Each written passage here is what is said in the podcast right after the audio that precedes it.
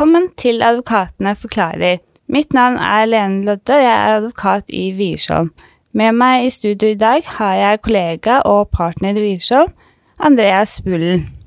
I dagens episode av Advokatene forklarer skal vi se nærmere på internprisningsdokumentasjon og forhold som det kan være nyttig å tenke på ved utarbeidelse av dokumentasjonen.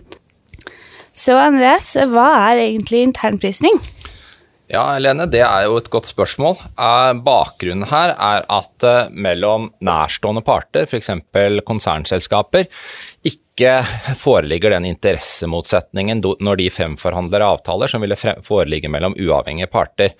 Eh, og for konsernet så spiller det ikke noe rolle om inntektene havner i det ene eller andre selskapet. Dersom et konsernselskap da enten selger til underpris eller kjøper til overpris, så vil inntekten til det selskapet bli redusert sammenlignet med hva den ville vært eh, om partene var uavhengige, og skattefundamentet vil da bli redusert. For å bøte på det, så har man da i skatteretten og i og for seg også selskapsretten vedtatt noe som heter armlengdeprinsippet, som da krever at nærstående parter skal avtale priser og vilkår i sine transaksjoner som tilsvarer de uavhengige parter ville ha avtalt. Og om man ikke har gjort det, så kan skattemyndighetene da gå inn og justere denne internprisen. Og Internprising er da ganske enkelt egentlig prising av konserninterne transaksjoner basert på dette armlengdeprinsippet. Ja, eh, nettopp. Eh, så da vet vi hva internprisning er. Eh, hvorfor har vi regler om internprisningsdokumentasjon?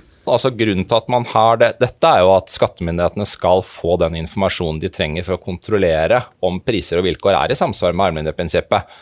Men kanskje først og fremst for egentlig å plukke ut de sakene de ønsker å kikke nærmere på. Fordi selv om internprisingsdokumentasjonen er relativt fyldig, så vil den ikke inneholde alle de opplysninger man trenger for å gjennomføre en ordentlig bokettersyn eller en grundig etterkontroll. Mm. Mm. Ja, eh, mange av lytterne lurer sikkert på hva eh, internprisningsdokumentasjon er. Hva slags eh, informasjon skal inngå her? Ja, det er også et viktig spørsmål. Eh, I Norge deler vi gjerne denne dokumentasjonsplikten inn i to deler, altså oppgaveplikten og dokumentasjonsplikten.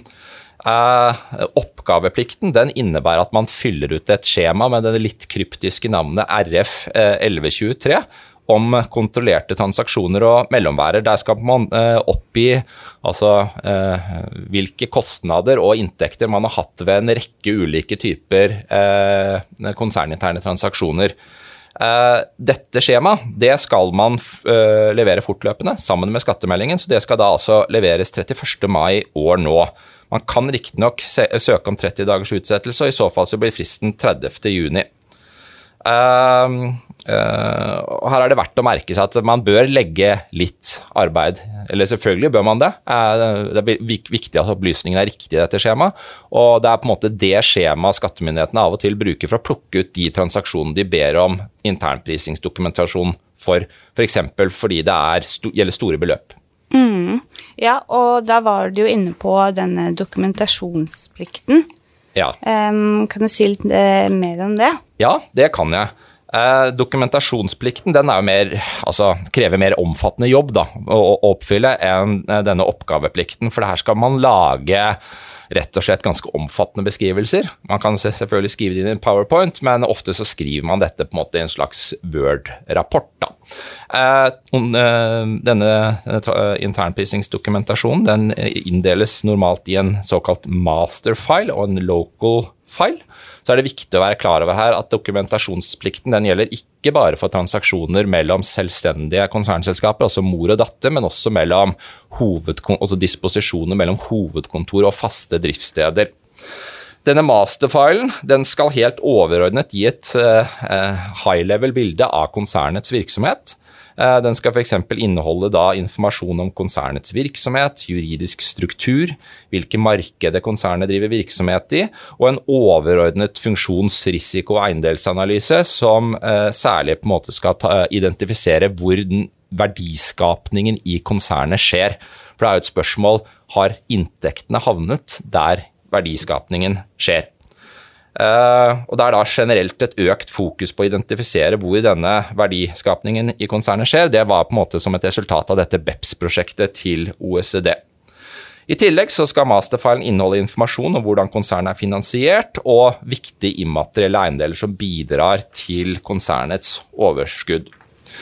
Når vi kommer ned i local file, så er det mer informasjon på detaljnivå.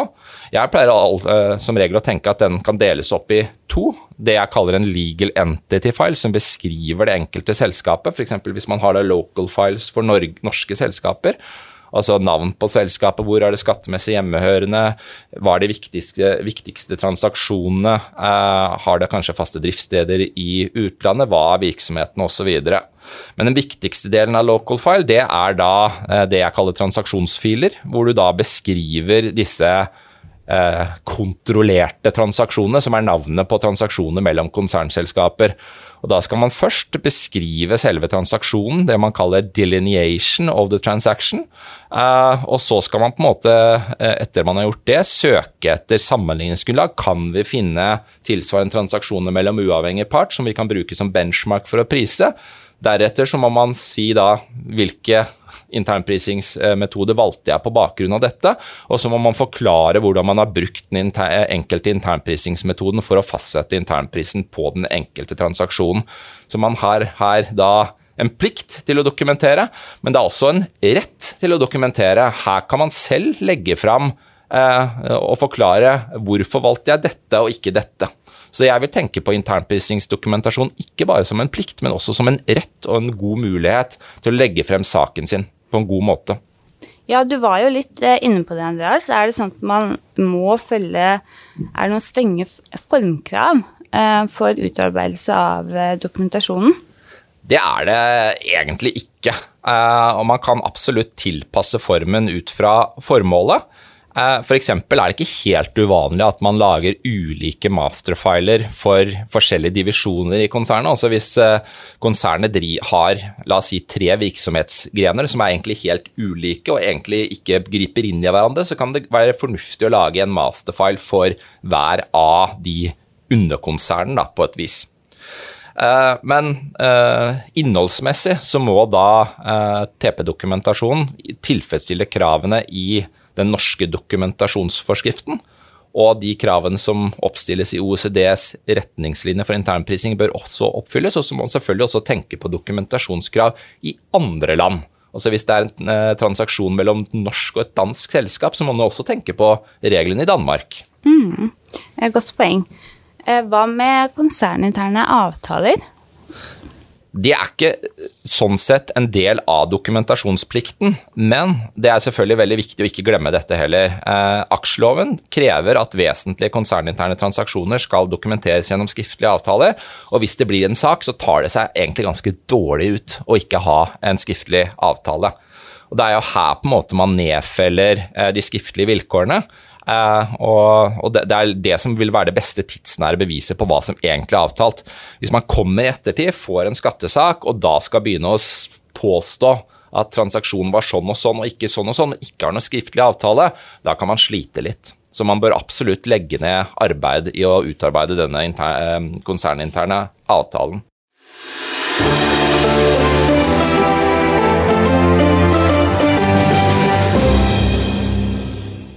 Er det slik at alle selskaper har denne plikten? Fordi det er jo, altså Jeg skjønner jo at det gjelder mellom konsernselskaper, men, men dette er jo ganske omfattende arbeid. Er det noe unntak fra disse reglene, osv.? Mm. Eh, ja, eh, lovgiver har søkt å begrense den administrative byrden det er for eh, skattyter å utarbeide dokumentasjon, så det er gjort unntak både fra oppgaveplikten og fra plikten til å utarbeide internprisningsdokumentasjon.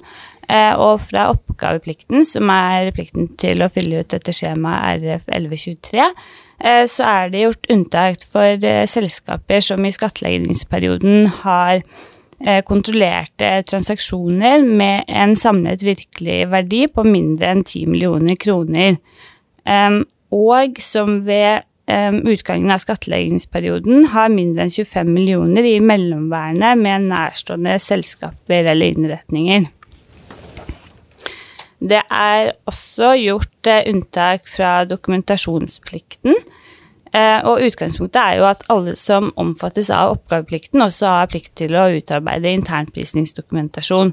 Eh, og så er det unntak for mindre konsern. Og et mindre konsern vil ha da færre enn 250 ansatte, og enten ha en salgsinntekt som ikke overstiger 400 millioner kroner, eller en balansesum som ikke overstiger 350 millioner kroner og disse terskelbeløpene gjelder på konsolidert nivå.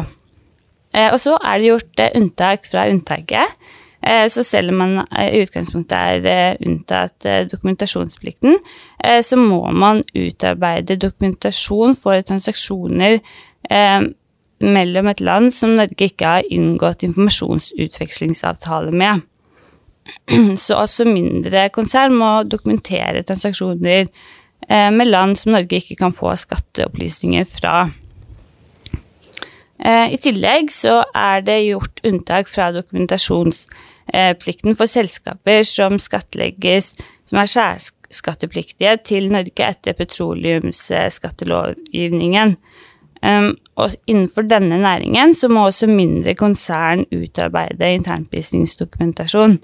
Eh, og dette er kanskje ikke så overraskende når man ser på skattesatsen eh, på sokkelen, som er da 78% opp mot eh, selskapsskattesatsen på 22% Lene, du sa at det var gjort unntak, men det du mente at det var gjort unntak fra unntaket, selvfølgelig. Ja, ja, ja. unntak fra unntak. Ja. Mm. Det er, selv om man omfattes av plikten til å utarbeide dokumentasjon, så er man Eh, ikke eh, forpliktet til å utarbeide dokumentasjon for uvesentlige transaksjoner.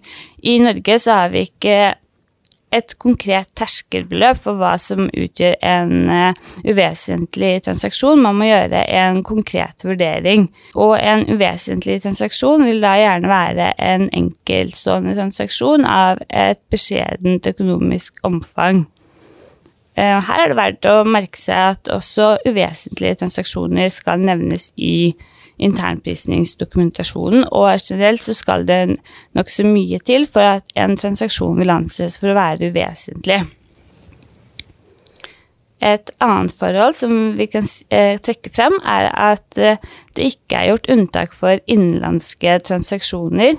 Man kunne jo tenke seg at ettersom det norske skattefundamentet ikke svekkes på samme måte eh, i transaksjoner mellom to norske selskaper, og dermed ikke hensynet bak eh, plikten til å utarbeide internprisingsdokumentasjon står like sterkt, at det ville vært et unntak fra dokumentasjonsplikten for, for, disse tilfellene. Men det er det ikke. Eh, eh, transaksjoner Norske selskaper har en like omfattende dokumentasjonsplikt for transaksjoner mellom norske selskaper. Og begrunnelsen for dette er at man har ønsket å unngå diskriminering og fjerne enhver tvil om at reglene om utarbeidelse av dokumentasjon er eh, i strid med Norges forpliktelser etter EØS-retten. Og her er det relevant å merke seg at i Danmark har innført regler som gjør unntak for visse innenlandske transaksjoner. Og dette begrunnes eh, med EU-domstolens avgjørelse i Hornbach-Bøhmermark. Og her kan vi si at eh, det ikke er alle innenlandske transaksjoner i Danmark som var unntatt fra plikten til å utarbeide dokumentasjon. Eh, transaksjoner mellom ulike særskatteregimer vil likevel være gjenstand for eh, dokumentasjonsplikten. Og det vil være aktuelt da f.eks. innenfor rederiskatteordningen og petroleumsskatteordningen i Danmark. Og eh, det er også verdt å merke seg at selv om man har unntatt dokumentasjonsplikten, så Eh, må man jo fortsatt eh, utføre transaksjoner i tråd med armlengdesprinsippet, og ved en eventuell kontroll så kan skattemyndighetene eh, stille spørsmål om også innenlandske transaksjoner og be om dokumentasjon for de.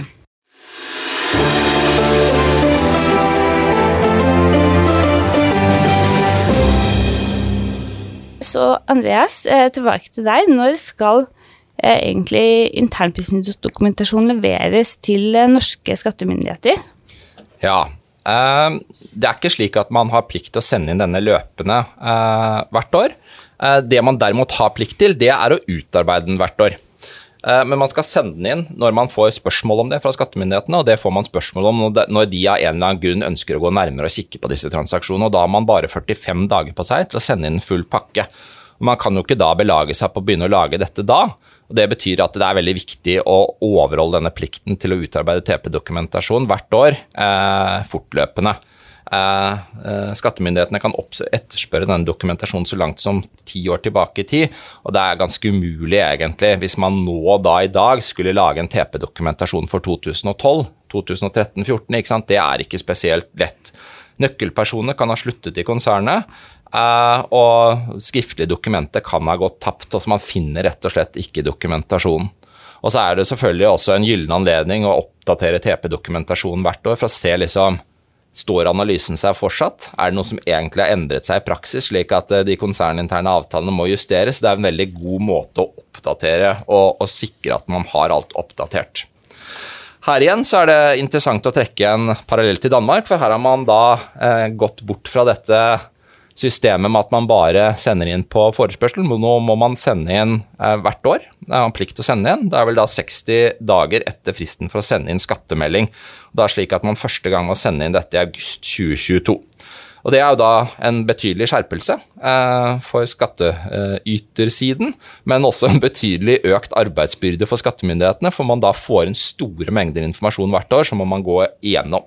Men det er viktig da for norske konserner som har datterselskaper i Danmark, og, eller morselskaper i Danmark, å tenke på at eh, ja, man har ikke denne plikten til å sende inn løpende i Norge, men det har man faktisk i Danmark, og da må man belage seg på å gjøre nettopp det. Mm.